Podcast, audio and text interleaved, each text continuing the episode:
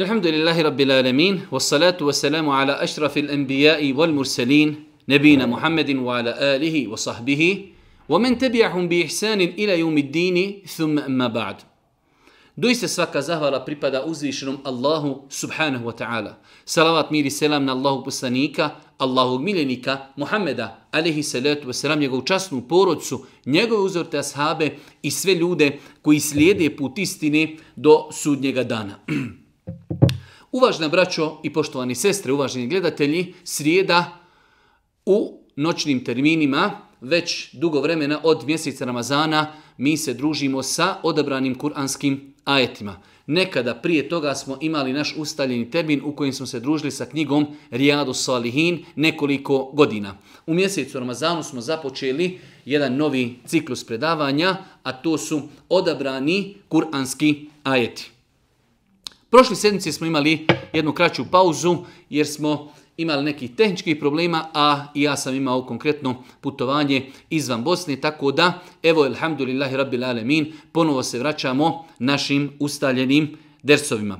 Večeras uz Allahu s.w.t. pomoć se družimo sa surom Esebe, sutra ako Bog da, sa surom Fatir, a sljedeće sedmice, sljedeće srijede se družimo sa svima nama toliko poznatom surom Jasin.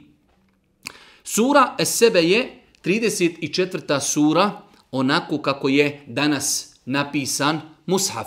Po rasporedu Mushafa, 34. sura u Mushafu, u današnjem Kur'anu, znači sura Esebe, a ona je 58. sura po redoslijedu objavi, jer smo rekli da znači sure su objavljivane i ajeti Božijem poslaniku alih seletu selam shodno vremenu, prostoru, shodno potrebi. Allah poslanik alih seletu selam je govorio svojim pisarima objavi gdje da uvrste koji ajet i gdje da uvrste koju suru.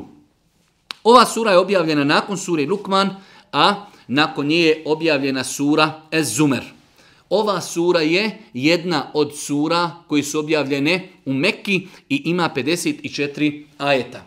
Mi smo dosta puta govorili o razlikama mekanskog i medinskog perioda objavi. Muslimani u Mekki su bili slabašni, muslimani u Mekki su imali veću potrebu da im se govori e, o stvarima koje će jačati njihov iman – Znači, govorilo se mnogo u, u periodu Mekke o proživljenju, vjerovanju Allaha, da je Allah gospodar zemlje i nebesa, da se ne smije nikome drugome činiti ibadet osim uzvišenom Allahu. Govorilo se o moralu mnogo. Nakon toga, kada su muslimani učinili hijđru iz Mekke u Medinu, dolazi drugi period i jednostavno e, drugačiji, drugačiji način objavi, shodno opet potrebi vremena i prostora. Ova sura nazvana je sura Esebe, e, sura Esebe e, po narodu i po mjestu koje se u to vrijeme nalazilo u današnjem pro, današnjim prostorima Jemena, pa uzvišen je Allah subhanahu wa ta'ala spominje, spominje taj narod u Kur'anu, u ovoj suri, pa je po spomenu tog naroda uh, ova sura i dobila svoje ime i tako je poznata i u knjigama Tefsira i znači u svim drugim knjigama koje tretiraju ovu temu.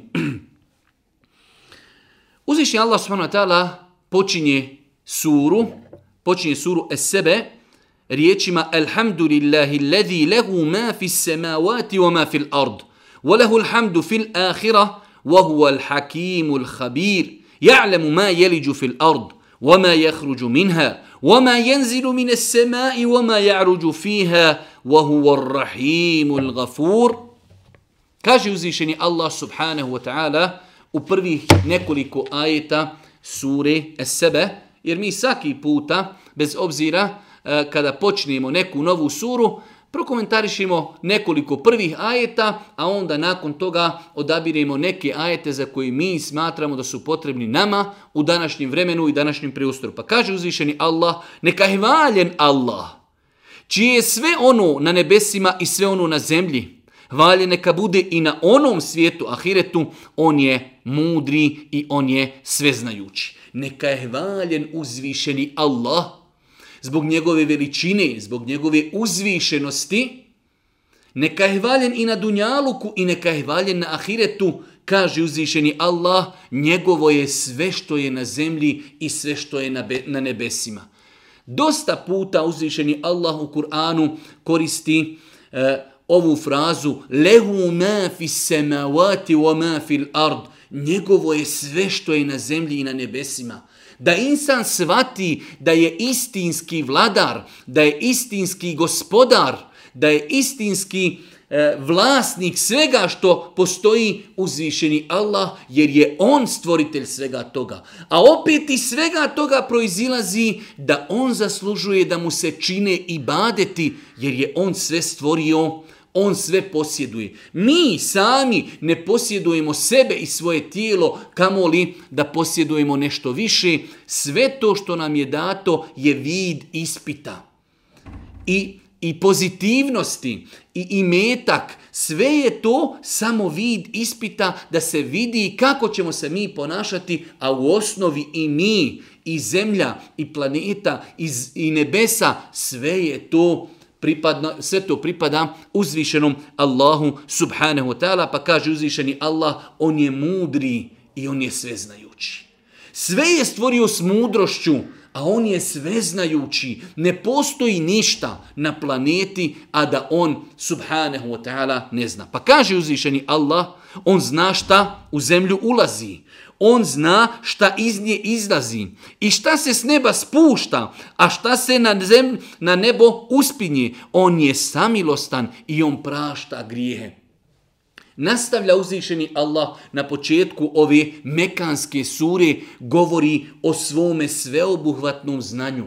On zna šta ulazi u zemlju, on zna šta iz nje izlazi, on zna šta silazi sa nebesa, on zna šta se uzdiže na nebo. Pa kaže uzvišeni Allah, on je samilostan, on je milostiv prema svojim robovima koji danju i noći griješe, ali on opet je milostiv prema njima. Voli ih više nego što ih voli njihova majka i od njegove milosti jeste i to da kada mu pokucaju na vrata pokajanjem i teubom i povratkom, on privata njihova pokajanja, pa je on milostivi, ali isto tako i prašta grijehe onima koji se istinski pokaju i traži od uzvišenog Allah subhanahu wa ta'ala oprost grija. Nakon toga uzvišeni Allah kaže u suri es sebe, a nevjernici govori, čas oživljenja neće doći. Reci, hoće tako mi gospodara moga, koji zna i ono što je skriveno, zacijelo će vam doći. Allah Želšanu ovdje citira riječi nevjernika. Neće sudnji dan doći. Mi živimo na Dunjaluku. Iskoristi Dunjalu kako god možeš. I na haram način. Nema nikakvi odrednica. Zašto? Jer rudi ne vjeruju da će biti proživljeni. Da će račune polagati za sve što radi. Pa uzvišeni Allah odgovara na jedan izuzetno, izuzetno jak način. Pa kaže uzvišeni Allah. Reci, hoće Tako mi gospodara moga koji zna i ono što je skriveno, zacijelo će vam doći sudnji dan. Dan proživljenja, dan polaganja računa. Uzvišeni Allah se zaklinji. Reci, hoće tako mi gospodara tvoga. Doći će sudnji dan. Dan kada ćete biti proživljeni i dan kada ćete precizne račune polagati. Njemu ne može ništa Ni trunčica jedna, ni na nebesima, ni na zemlji izmači i ne postoji ništa, ni manje, ni veće od toga što nije u jasnoj knjizi. Allahu ekber. Dosta u Kur'anu imamo ajeta koji govori o veličini uzvišenog Allaha. Ja sam dosta puta o tom i govorio da insan kada iščitava Kur'an treba posebnu pažnju da obrati ajetima koji govori o Allahu koji opisuju njegovu veličinu, koji govori o njegovim svojstvima, koji govori o njegovim imenima. Poslušajte šta kaže uzvišeni Allah subhanahu wa ta'ala. Njemu ne može ništa, ni trunčica jedna, ni na nebesima, ni na zemlji izmaći. I Ne postoji ništa, ni manje, ni veće od toga što nije u jasnoj knjizi. Znači, trunčica jedna, trun, vrh igli, na nebesi i na, ne, na zemlji, sve to uzvišeni Allah zna, sve motri, sve svjedoči i tako dalje.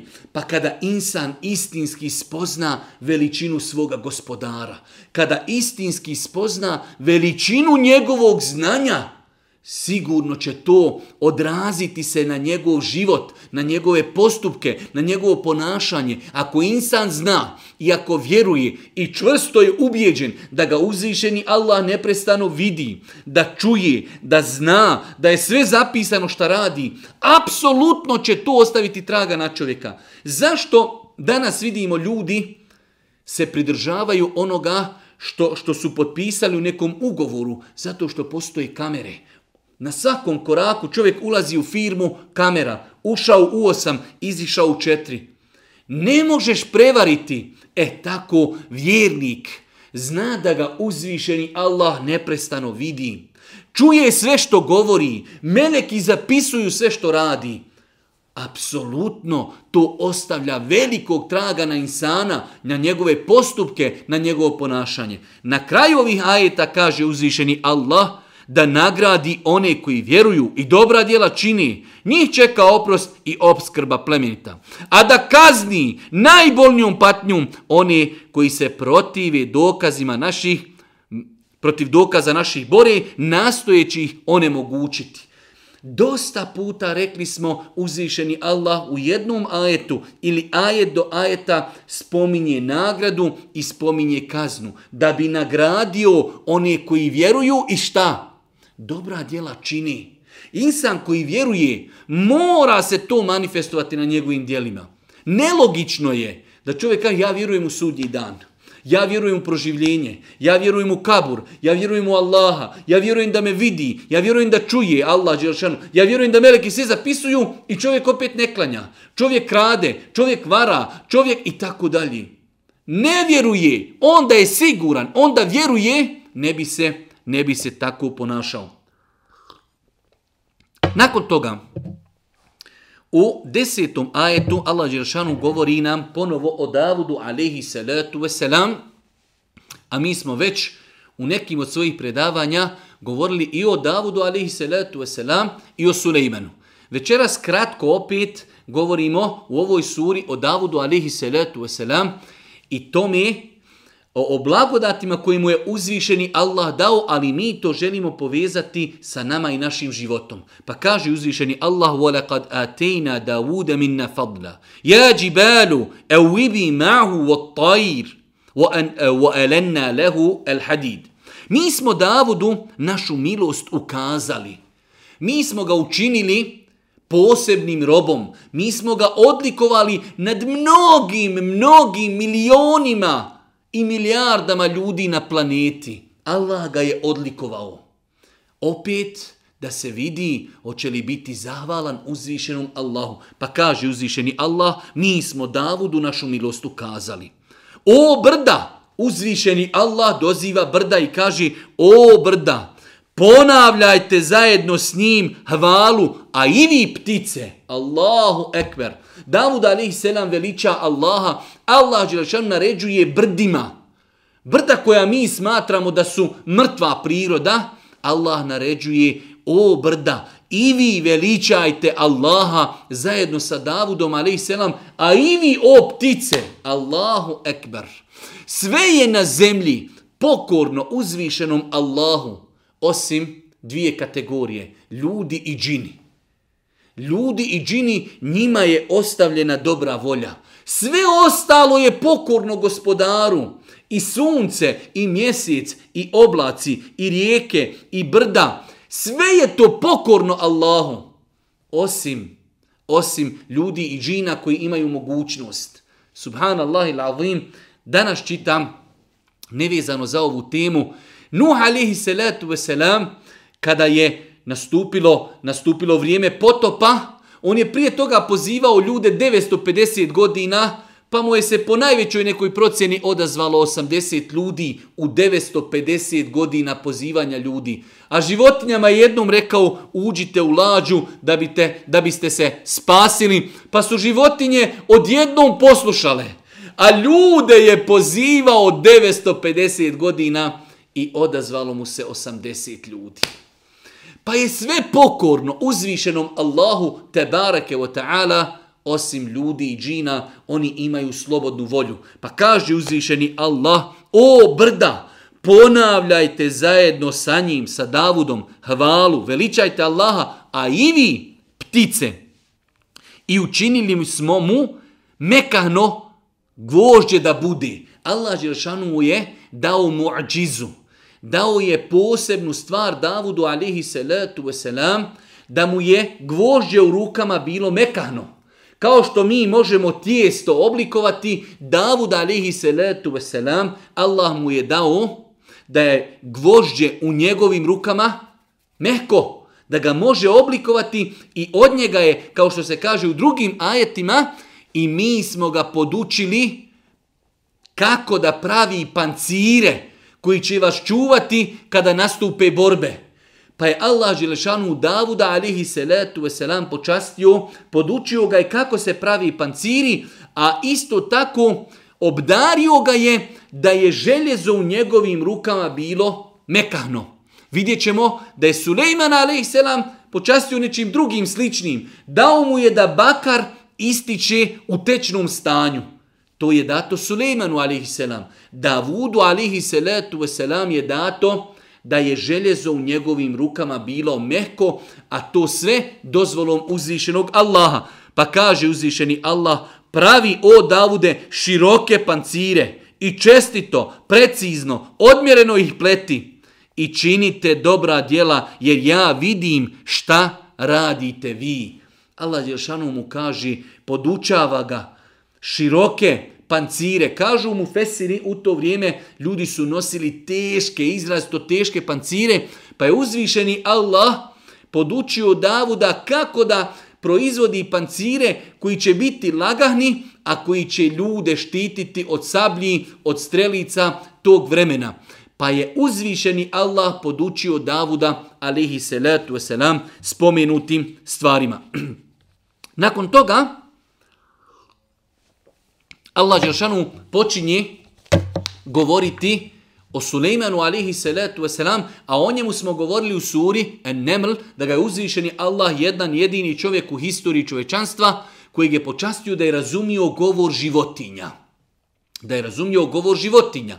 Ovdje nam uzvišeni Allah govori o novim stvarima kojima je počastio Sulejman alihi salatu wasalam, ali mi to govorimo zbog nečega što je nama potrebno. Kaže uzvišeni Allah, voli Sulejmane riha, guduvuha šehr, varavahuha šehr, وَأَسَلْنَا لَهُ عَيْنَ الْقِطْرِ وَمِنَ الْجِنِّ مَنْ يَعْمَلُ بَيْنَ يَدَيْهِ بِإِذْنِ رَبِّهِ وَمَنْ يَزِغْ مِنْهُ عَنْ أَمْرِنَا نُذِقْهُ مِنْ عَذَابِ السَّعِيرِ Kaže uzvišeni Allah subhanahu wa ta'ala, a Suleimanu, vjetar, ujutro je prevaljivao rastojanje od mjesec dana, a i naveći rastojanje od mjesec dana. Allahu ekber. Allah Želešanu počinio je Suleimanu vjetar. On sjedni na čilim, sjedni na svoju prostirku i u jutarnjem, znači, pohodu, on pređe sa vjetrom ono što ljudima treba da putuju mjesec dana a u večernjem povratku vjetar ga prenese onoliko opet koliko ljudima treba da putuju mjesec dana. Allahu ekber. To je počas koju je Allah dao Suleimanu alihi salatu wasalam uz to što je razimio govor životinja, dao mu je, podčinio mu je vjetar da ga vjetar nosi i ne samo to, kaže uzvišeni Allah, i učinili smo da mu iz izvora rastopljen bakar teče. I još, i da džini voljom njegova gospodara pred njim radi. A kada bi neki od njih otkazao poslušnost naređenju našim, učinili bismo da ognju patnju osjeti, da u ognju patnju osjeti. Allah Đelšanhu Sulejmanu je dao mnoge blagodate. Znao je jezik životinja, razumio je jezik životinja, vidimo ovdje počinio mu je vjetar, dao je izvore iz kojih izvire rastopljen bakar i počinio mu je džine, da radi njemu ono što njemu treba. Ali poslušajmo šta kaže uzvišeni Allah, oni su mu izgrađivali što god je htio, hramove i spomenike – izdjele kao čatrnje i kotlove nepokretni. Trudite se i budite zahvalni, o čeljadi Davudova, a malo je zahvalni među robovima mojim. I'melu ale Davude šukra. O Davudova porodico, budite zahvalni, a malo je Allahovih robova koji su zahvalni. Allahu ekber. Allah Đelešanu nas zahvalni obavještava, govori nam o blagodatima koje je dao Davudovoj porodici, dao Davudu alih selam i Sulejmanu, ali na kraju Allah im naređuje i kaže i'melu, radite, budite zahvalni o porodico i o potomstvo Davudovo, alihi salatu wasalam, a malo je, kaže robova, koji su zahvalni Allahu. Braćo moja draga i cijenni sestre, mi danas kada slušamo o tim velikim blagodatima kojima je Allah počastio Sulejmena i Davuda alaihi salatu wasalam, zamislimo da je to nešto veliko i jeste. Ali zamislite šta mi imamo danas. Imate mobitel, čovjek u Australiji, vi ga nazovete i sa njim razgovarate. Vidite da na kameri kao da sjedi pored vas avion sa avionom prijeđemo, za dva sata iz Bosne prijeđemo u Tursku. Ljudi preko okeana lete za 10 sata i tako dalje. Zar i mi ne uživamo blagodati? A koliko smo zahvali uzvišenom Allahu.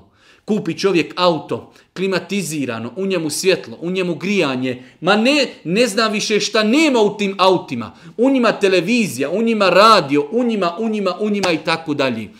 Brodovi, vozovi, auta, stanovi, kuće, tehnologija, mobiteli, laptopi, internet, društvene mreže, odjeća, obuća, vrhunac blagodati mi uživamo. A koliko smo zadovoljni i koliko smo zahvalni uzvišenom Allahu subhanahu wa ta'ala. Braćo, moje drage cijene sestre, kada večeras ne bi ništa naučili, osim da mi danas – uživamo neke blagodati koje u historiji nisu imali, nisu imali poslanici.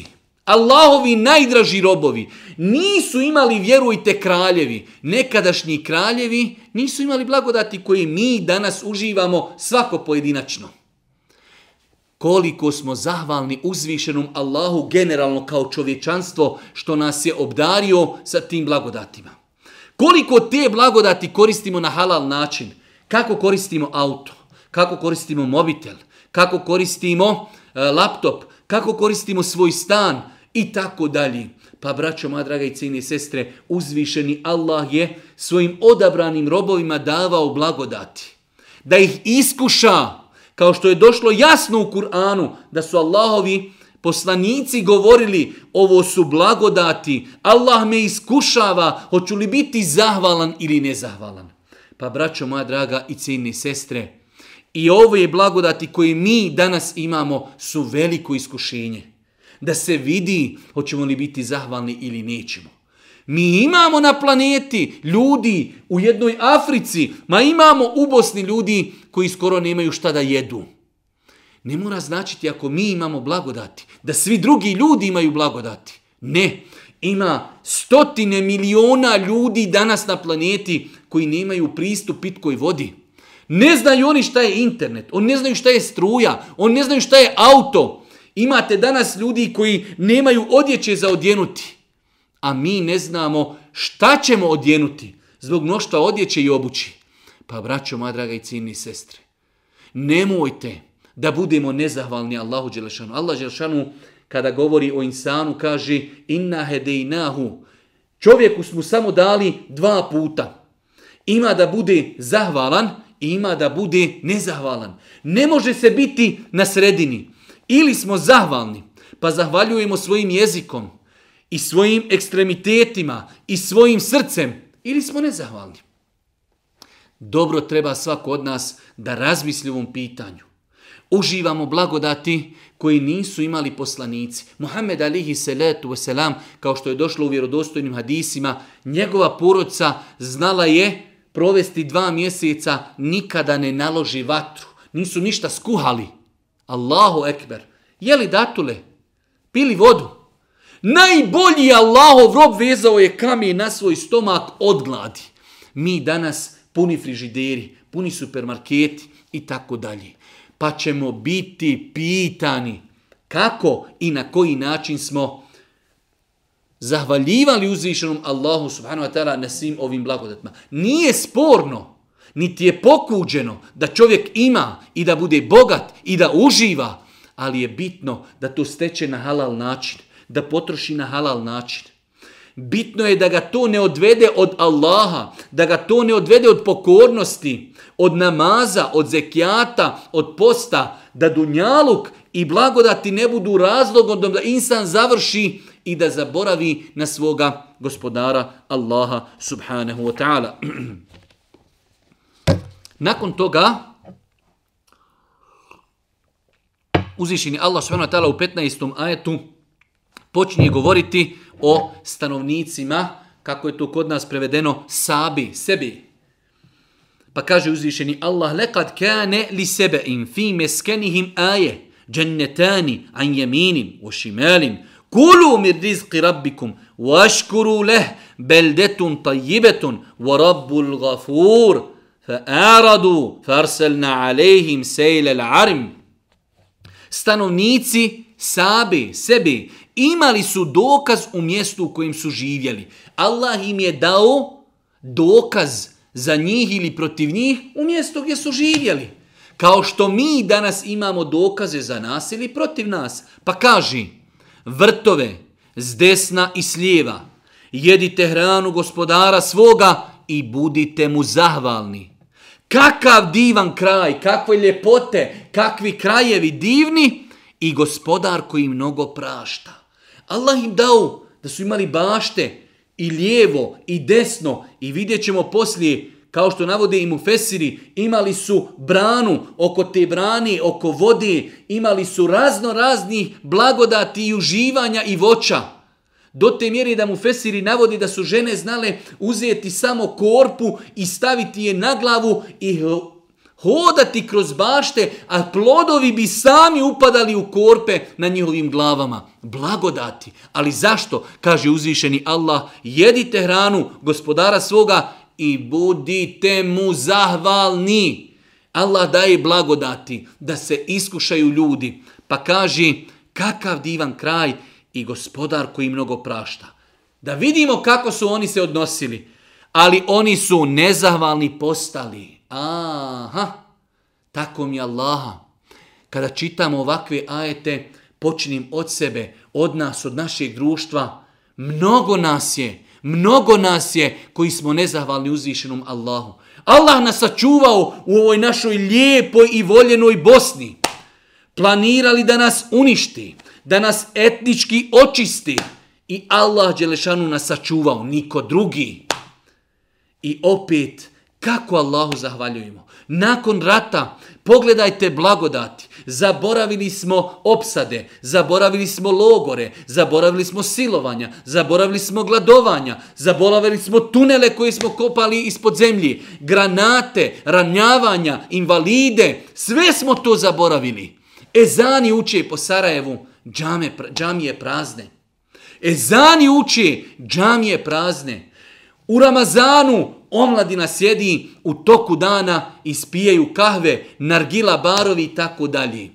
A Allah nas je počastio da smo opstali, da smo ostali u ovoj našoj voljenoj Bosni gdje se ezani na svakom koraku uči. Pa kaže uzvišeni Allah o stanovnicima sabi, sebi, pa kaže ali oni su nezahvalni postali, pa smo na njih vodenu bujicu pustili, puštanjem brane koja je nastala, i zamijenili im njihove vrtove drugim vrtovima sa plodovima gorkim i tako dalje. Kaznili smo ih tako zato što su bili nezahvalni.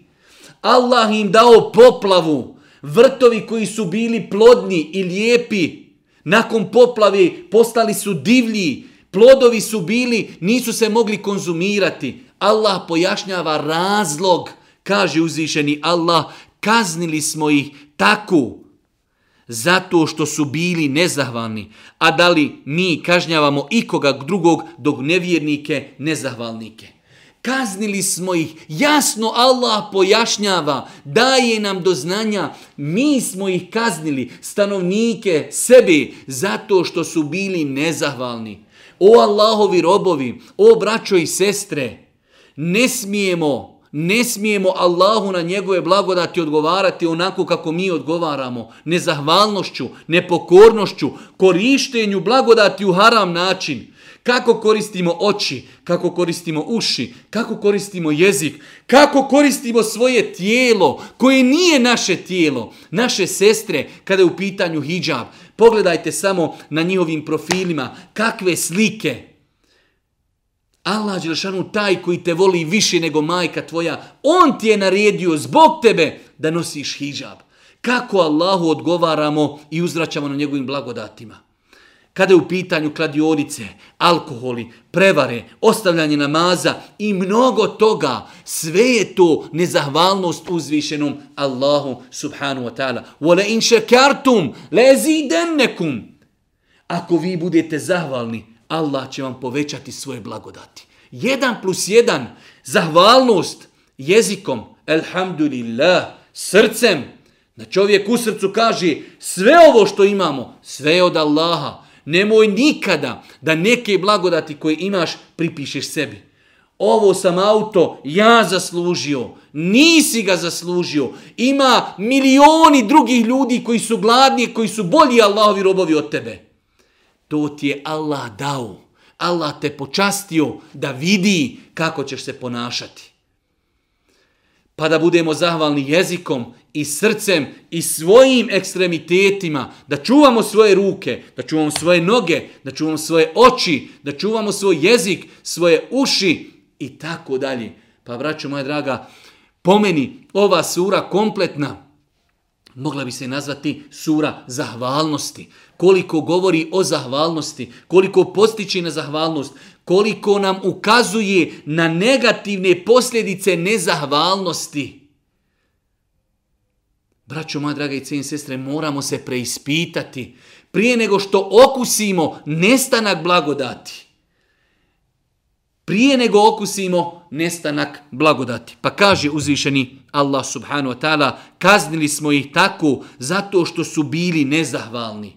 Kaznili smo ih na takav način jer su bili nezahvalni na Allahovim nijametima, a insan je takav uz oholi se. Jeste vidjeli kada je bio rat, Pa poslije rata, sjećam se, živio sam u Zenici, ljudi su napunili džamije, klanjalo se u salonima namještaja, klanjalo se u salon, u Šipadu se klanjala džuma, u Kinima se klanjale džume. I kako je odmicalo vrijeme, tako su se naše džamije ispražnjavale. Pa kada malo dođe zemljotres, opet puna džamija na sabahu. Smiri se zemlja, opet mi starim stopama. Pa braćo, moja draga i cijine sestre, dokad? Dokad će nam Allah Đeršanu davati priliku, a mi je ne iskorištavati? Pa nemoj da budemo od Allahovi nezahvalni robova. Zahvalimo Allahu jezikom, zahvalimo mu srcem, zahvalimo mu svojim postupcima, njemu robujmo, njega obožavajmo, namaz njemu klanjajmo, zbog njega sadaku izdvajemo, njemu postimo, njemu postimo. Zbog njega ostavimo grijehe, jer je on taj koji nam je to sve dao. Nakon toga, kaže uzvišeni Allah u 28. ajetu sure es sebe, وَمَا أَرْسَلْنَاكَ إِلَّا كَافَةً لِلنَّاسِ بَشِيرًا وَنَذِيرًا وَلَكِنْ أَكْثَرَ النَّاسِ لَا يَعْلَمُونَ Mi smo te, o Muhammede, poslali svima ljudima da radosne vijesti donošiš i da opominješ, ali većina ljudi ne zna. Muhammed alihi salatu wasalam, ovo je jedno veliko kuransko pravilo. Poslan je cijelom čovječanstvu. Nemoj da vam ko proda maglu i da vam demagogiju servira. Da je Muhammed alihi salam poslan Arapima. Jok! Kaže uzvišeni Allah, وَمَا أَرْسَلْنَاكَ إِلَّا كَافَتًا لِنَّاسِ Mi smo te o Muhammede poslali cijelom čovječanstvu. Muhammed alaih salatu wasalam u vjerodostavnom hadisu kaže dato mi je pet stvari koje nisu date priješnjim poslanicima. Jedna od tih pet stvari, kaže, poslanici su slati svome narodu, svome podnjeblju, svome selu, svome gradu, a ja sam, kaže, poslan cijelom čovječanstvu. Pa je islam vjera jedina vjera priznata kod Allaha Đelešanu, jer posle Muhammeda nema više poslanika. Njegova poslanica derogirala je prirodne poslanice. Jedne prilike Muhammed alihi salatu wasalam vidio je Omera radi Allahu anhu kako čita stranicu Tevrata. Pa mu je to Boži poslanik uzeo i kaže Omere da je Musa alihi selam onaj kome je taj Tevrat objavljen, da je on živ, ne bi mu bilo dozvoljeno ništa drugo osim da se pokori meni i da bude musliman moj sljedbenik. Kaže Allah poslanik u drugom vjerodostojnom hadisu, svako dijete se rađa u prirodnoj vjeri, u islamu, pa ga njegov otac odgoji da bude ili kršćanin, ili židov, ili vatropoklonik. Kaže uzvišeni Allah, inne dine, inda Allahi, el islam, islam, jedina priznata vjera kod Allaha je Islam. Pa braću moje draga i cijene sestre, ovu lekciju moramo naučiti. Muhammed alihi salatu wasalam je poslan cijelom čovječanstvu. Neispravna je teorija poslan je samo Arapima. Dolaskom Muhammeda alihi salatu wasalam derogirane su, derogirane su prijetodne poslanice. Pa moramo ove postulate, ove temelje imati jasne, jasno ih poznavati i jasno u njih vjerovati. وَمَا أَرْسَلْنَاكَ إِلَّا كَافَتَ لِنَّاسِ A mi te nismo poslali osim cijelom čovječanstvu, o Muhammede, beširan وَنَذِيرًا Ti donosiš radosne vijesti. Onaj ko mi se pokori, ući će u džennet. Onaj ko ne bude pokoron i onaj ko ne bude vjerovao, vječni džehennem, beširan i donosiš radosne vijesti, ali upozoravaš, ali mnogo ljudi ne zna. Koliko danas ljudi ima na planeti koji znaju da je Muhammed alihi salatu wasalam poslan cijelom čovječanstvu? Pa kaže uzvišeni Allah, mi smo te poslali svima ljudima da radosne vijesti donosiš, ali da opominješ, ali većina ljudi ne zna.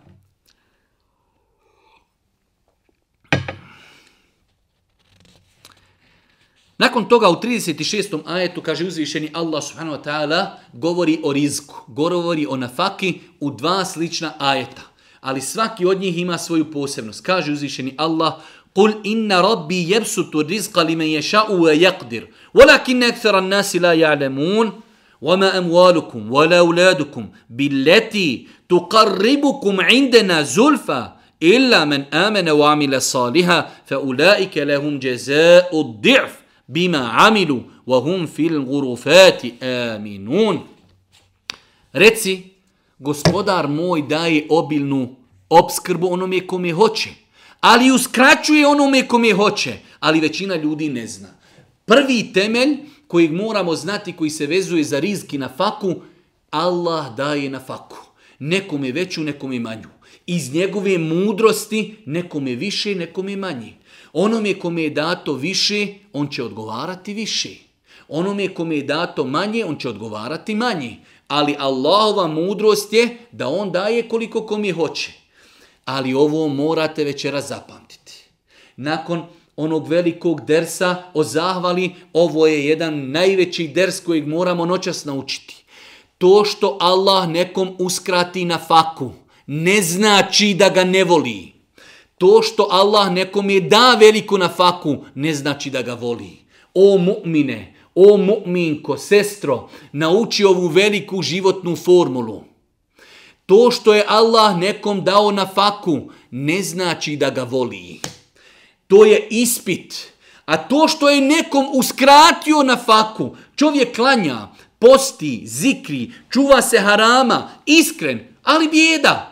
Je li to znači da ga Allah ne voli? Wallahi ne znači. Wallahi ne znači. Dunjalu kaže Allahu poslanik ali se letu selam da kod Allaha vrijedi kao krilo mušici. Cijeli dunjaluk, krilo mušice, vidite ste kako je prozirno. Da toliko vrijedi kod Allaha, ne bi Allah dozvolio nevjernicima koji ga psuju i vrijeđaju da se jednom vode na dunjalku napiju. Kaže Allah poslanik u vjerodostojnom hadisu, dunjalu kod Arlaha ne vrijedi kao uginula ovca. To je vrijednost dunjaluka. Pa naučimo večeras. Kada Allah nekom da veću na faku, ne znači da ga voli.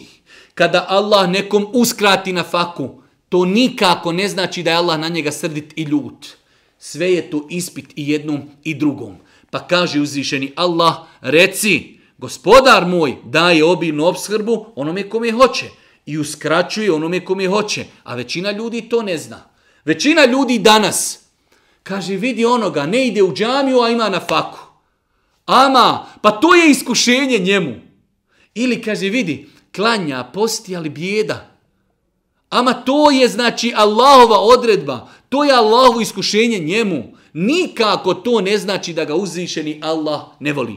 Pa kaže uzvišeni Allah, evo ga, ni bogatstva vaša, ni djeca vaša, neće vas učiniti nama bliskim. Ni vaš imetak, ni vaša djeca. To što imate mnogo imetka, mnogo djeci, kod Allaha to ništa ne znači.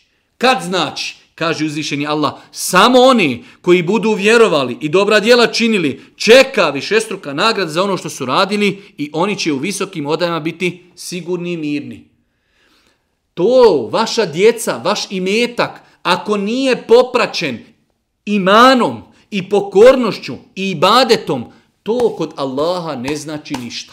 Možeš imati milijarde, možeš imati stotinu djeci, to ti kod Allaha ne znači ništa. Ali kada vjeruješ, kada radiš dobra djela, tada taj imetak može imati svoju vrijednost. Pa iz ovog ajeta učimo jednu veliku životnu lekciju. Nažalost, tu lekciju ne zna 99% muslimana, a kamoli nemuslimana. Kada dođu muslimani i kažu pogledaj kako na zapadu, u redu, i mi trebamo biti pismeni, školovani, precizni, da imamo kao oni. Ali to što oni imaju, to ne znači da ih Allah voli. Već su poduzeli dunjalučke faktore uspjeha. Mi ostavili te faktore, pa smo doživjeli ovo što smo doživjeli. Ali To što imaju ne znači da ih Allah Đelešanuhu voli, pa kaže Allah, ni bogatstva vaša, ni djeca vaša, neće vas učiniti nama bliskim. Ništa, osim, kaže uzvišeni Allah, samo oni koji budu vjerovali i dobra djela činili, njih čeka višestruka nagrad za ono što su radili. To je glavni parametar vrednovanja ljudi. Inne ekramekum inda Allahi etkakum kod Allaha su najbolji, oni koji ga se najviše boje. To je najveći parametar vrednovanja ljudi. Kaže Allah poslanik ali se letu selam Koga uspori njegova dijela, ne bude imao dobrih dijela, neće ga prema Allahu ubrzat njegovo porijeklo. Amidža Božijeg poslanika, kaže Božji poslanik, reci la ilaha illallah, neću, umro vječno u džehennem. Amidža, poslanikov. Ne znači to ništa. Najčasniji rod, ništa to ne znači. Sve dok čovjek ne povjeruje u uzvišenog Allaha subhanu wa ta'ala. U 39. ajetu kaže uzvišeni Allah, قُلْ إِنَّ رَبِّي يَبْسُطُ الرِّزْقَ لِمَنْ يَشَاءُ مِنْ عِبَادِي وَيَقْدِرُ لَهُ وَمَا أَنْفَقْتُمْ وَمَا أَنْفَقْتُمْ مِنْ شَيْءٍ فَهُوَ يُخْلِفُهُ فَهُوَ يُخْلِفُهُ وَهُوَ خَيْرُ الرَّازِقِينَ kaže uzvišeni Allah u sličnom ajetu. Reci gospodar moj daje obilnu obskrbu onome kome hoće od robova svojih, a kome hoće uskraćuje. Što god vi udjelite, on će vam to nadoknati, on je najbolji obskrbitelj. Malo prije smo imali, Allah uskraćuje i Allah daje na faku kome hoće, a vaši imeci i vaše porodce ne mogu vas učiniti kod Allaha bliskim sve dok ne budete vjerovali. Ovdje ima nešto drugo. Allah uskraćuje na faku ko mi hoće i povećaje na faku ko mi hoće. وَمَا أَنْفَقْتُمْ مِنْ شَيْءٍ فَهُوَ يُخْلِفُهُ Ono što vi udjelite na Allahovom putu, radi Allaha, želeći njegovo lice, njegovo zadovoljstvo, nadajući se njegovoj nagradi, فَهُوَ يُخْلِفُهُ On će vam to boljim nadomjestiti. وَهُوَ خَيْرُ الرَّزِقِينَ A on je najbolji obskrbitelj. Njegove riječi su istina, njegovo obećanje je istina. Pitanje je koliko mi vjerujemo, kaže Allah poslanik, nema ni jednog dana. Kada sunce iziđe i kada ljudi osvanu, a da se dva meleka ne spuste na zemlju. Jedan od njih kaže, ja rab, povećaj na faku onome ko udjeljuje. Kaže drugi, gospodaru, uništi metak onome ko škrtari. Pa čovjek treba da vjeruje Allah u Kur'anu kaže, a njegov govor je istina, njegovo obećanje je istina, ono što vi udjelite, Allah će vam to boljim, fehuva juhlifu, on će vam dati i to će vam on nadomjestiti, a on je najbolji obskrbitelj. Najbolji obskrbitelj. Nekada insan, u većini slučajeva, insan kada dadne, osjeti u materijalnom pogledu da mu se nafaka povećala. U većini slučajeva. Ali nekada se može desiti da dadniš novac. Dao si sadaku. Možda ne osjetiš da ti je se to vratilo direktno u nafaki, ali možda će tvoja djeca biti pet godina, neće nikada doktor otići. Možda će živjeti sretno i zadovoljno sa suprugom. Možda će te komšije voljeti. Možda će ti djeca biti uspješna u životu. Allah će ti to nadomjestiti. Nemoj se ti sikirati, ti vjeruj svome gospodaru. Njegove riječi su istina. On kaže, a što god vi udjelite, on će vam to nadomjestiti. A on je najbolji obskrbitelj. Nemoj da u to ikada sumnjamo. Pa su ovo velike formule, ovo su veliki kuranski principi koje treba da pri, prihvatimo i da treba po njima da živimo u svakodnevnom životu.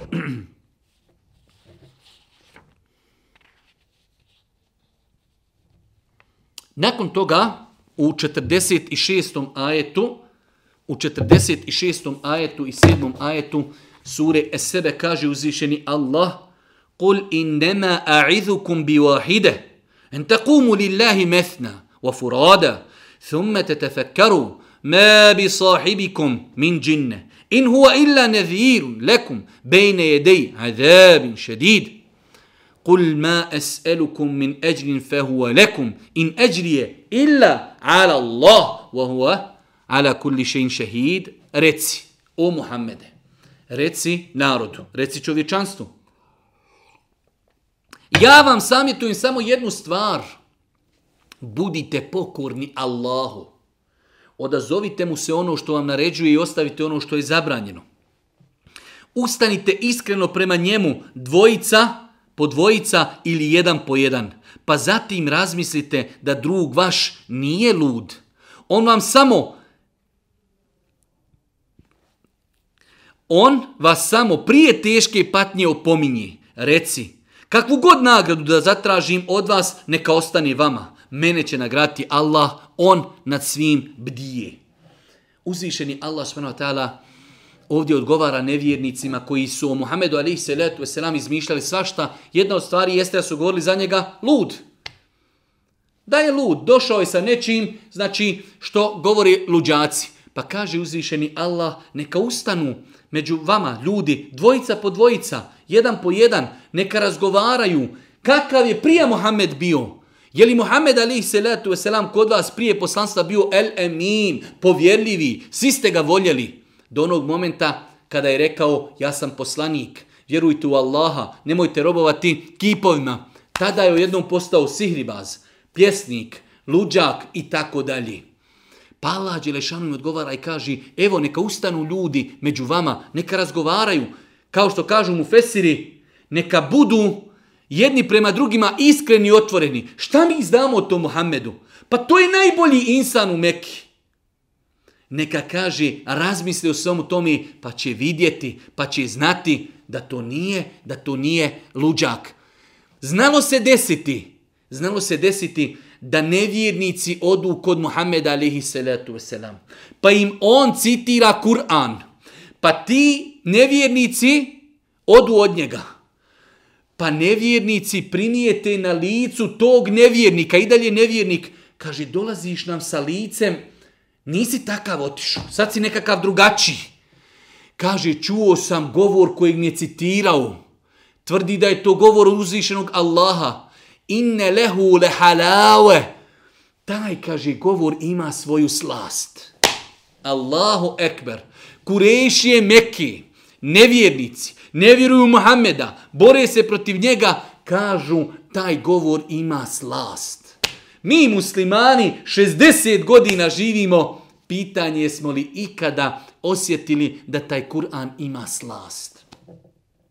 Pa Allah Đeršanu kaže, ustanite, porazgovarajte, pa ćete vidjeti, pa ćete shvatiti da Muhammed alihi salatu wasalam nije takav kako ga vi opisujete. On nije ništa drugo osim onaj koji upozorava. Upozorava vas prije nego što dođe bilo kakva dunjaločka kazna ili dođe ahiretska kazna. Nakon toga, posljednji grupa posljednjih ajeta koji ćemo, ako Bog da, komentarisati od 51. do 54. ajeta u suri Esebe, kaže uzvišeni Allah subhanahu wa ta'ala وَلَوْ تَرَا إِذْ فَزِعُوا فَلَا فَوْتَ وَأُحِذُوا مِمْ مَكَانٍ قَرِيبٍ وقالوا آمنا به وأنا لهم التنابش من مكان بعيد ولقد كفروا به من قبل ويقذفون بالغيب من مكان بعيد وحيل بينهم وبين ما يشتهون كما فعل باشياعهم من قبل انهم كانوا في شك مريب كجوزي شني الله سبحانه وتعالى ta'ala govoreći o A dati je, a dati je vidjeti kada ih strava i strah uhvati. Dati je vidjeti nevjernike. Pogledaj ih na Dunjaluku kako su gordi, kako su oholi, kako su spremni da raspravljaju, da utjeravaju insana u laž pored dokaza u koje oni vjeruju. Allah Đeršanu, govorili smo o, to, o tome, kaže oni su poricali istinu wastaiqanatha anfusuhum a u dubini svoje duše su znali da je to istina Allahu e- Allahu ekber wajahadu biha oni su negirali te dokaze wastaiqanatha anfusuhum njihove duše su duboko bile ubijeđene da je to istina pa pogledajte kako ih Allah opisuje nakon što su bili gordi oholi rušili, ubijali, pljačkali, silovali, pogledajte, kaže uzvišeni Allah, a dati, a dati je vidjeti kada i strava uhvati, umaći neće moći, izbliza bit će ščepani. I kada reknu, vjerujemo u istinu, aha, kada dođu, kada bidu, budu ščepani, kada budu proživljeni, kada treba polagati račune, amena bi, mi bi sada vjerujemo. Završeno. Završeno. Nema povratka šta kaže uzvišeni Allah. I kada reknu vjerujemo u istinu, a šta će im biti od koristi kad je život na zemlji bio i prošao? Nema, završeno. Ovo je prilika, braćo moje drage i ciljni sestre, nemoj da se poigravamo. Ovaj dunjalučki život je jedan život. Nema popravnog. Kada melek smrti dođe, gospodaru, povrati me, da uradim dobro, nisam klanjao, nisam postio, nisam nosila hijab, išao u kladionicu, nisam znao učiti Kur'an, vrati me gospodaru, šta da uradim dobro? Kele, nikada, nima povratka ljudi, ovo je jedna jedina prilika. Pa kaže uzvišeni Allah subhanu wa ta'ala, a šta će im biti od koristi kad je život na zemlji bio i prošao? U njega oni nisu prije vjerovali. Govorili su ono što nije poznato. I smijavali se s poslanikom. Pogledajte danas, ljudi crtaju karikature i smijavaju se sa Muhammedom a.s. Ljudi pale Kur'an. Pa kaže uzvišeni Allah subhanu wa ta'ala, u njega oni nisu prije vjerovali. Govorili su ono što nije poznato šta je od istine, što je daleko od istine.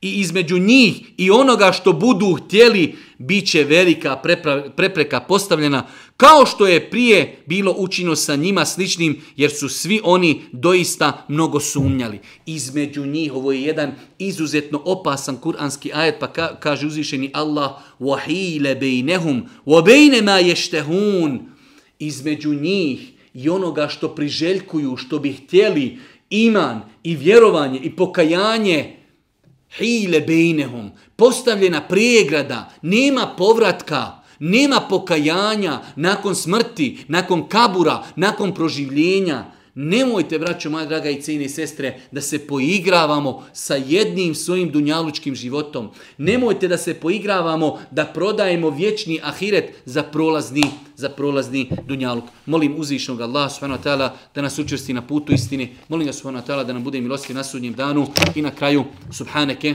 Allahumma da bihamdike, ešhedu in la ilaha illa ente, estagfiruke, wa etubu ilik. Oh, ah. oh, oh.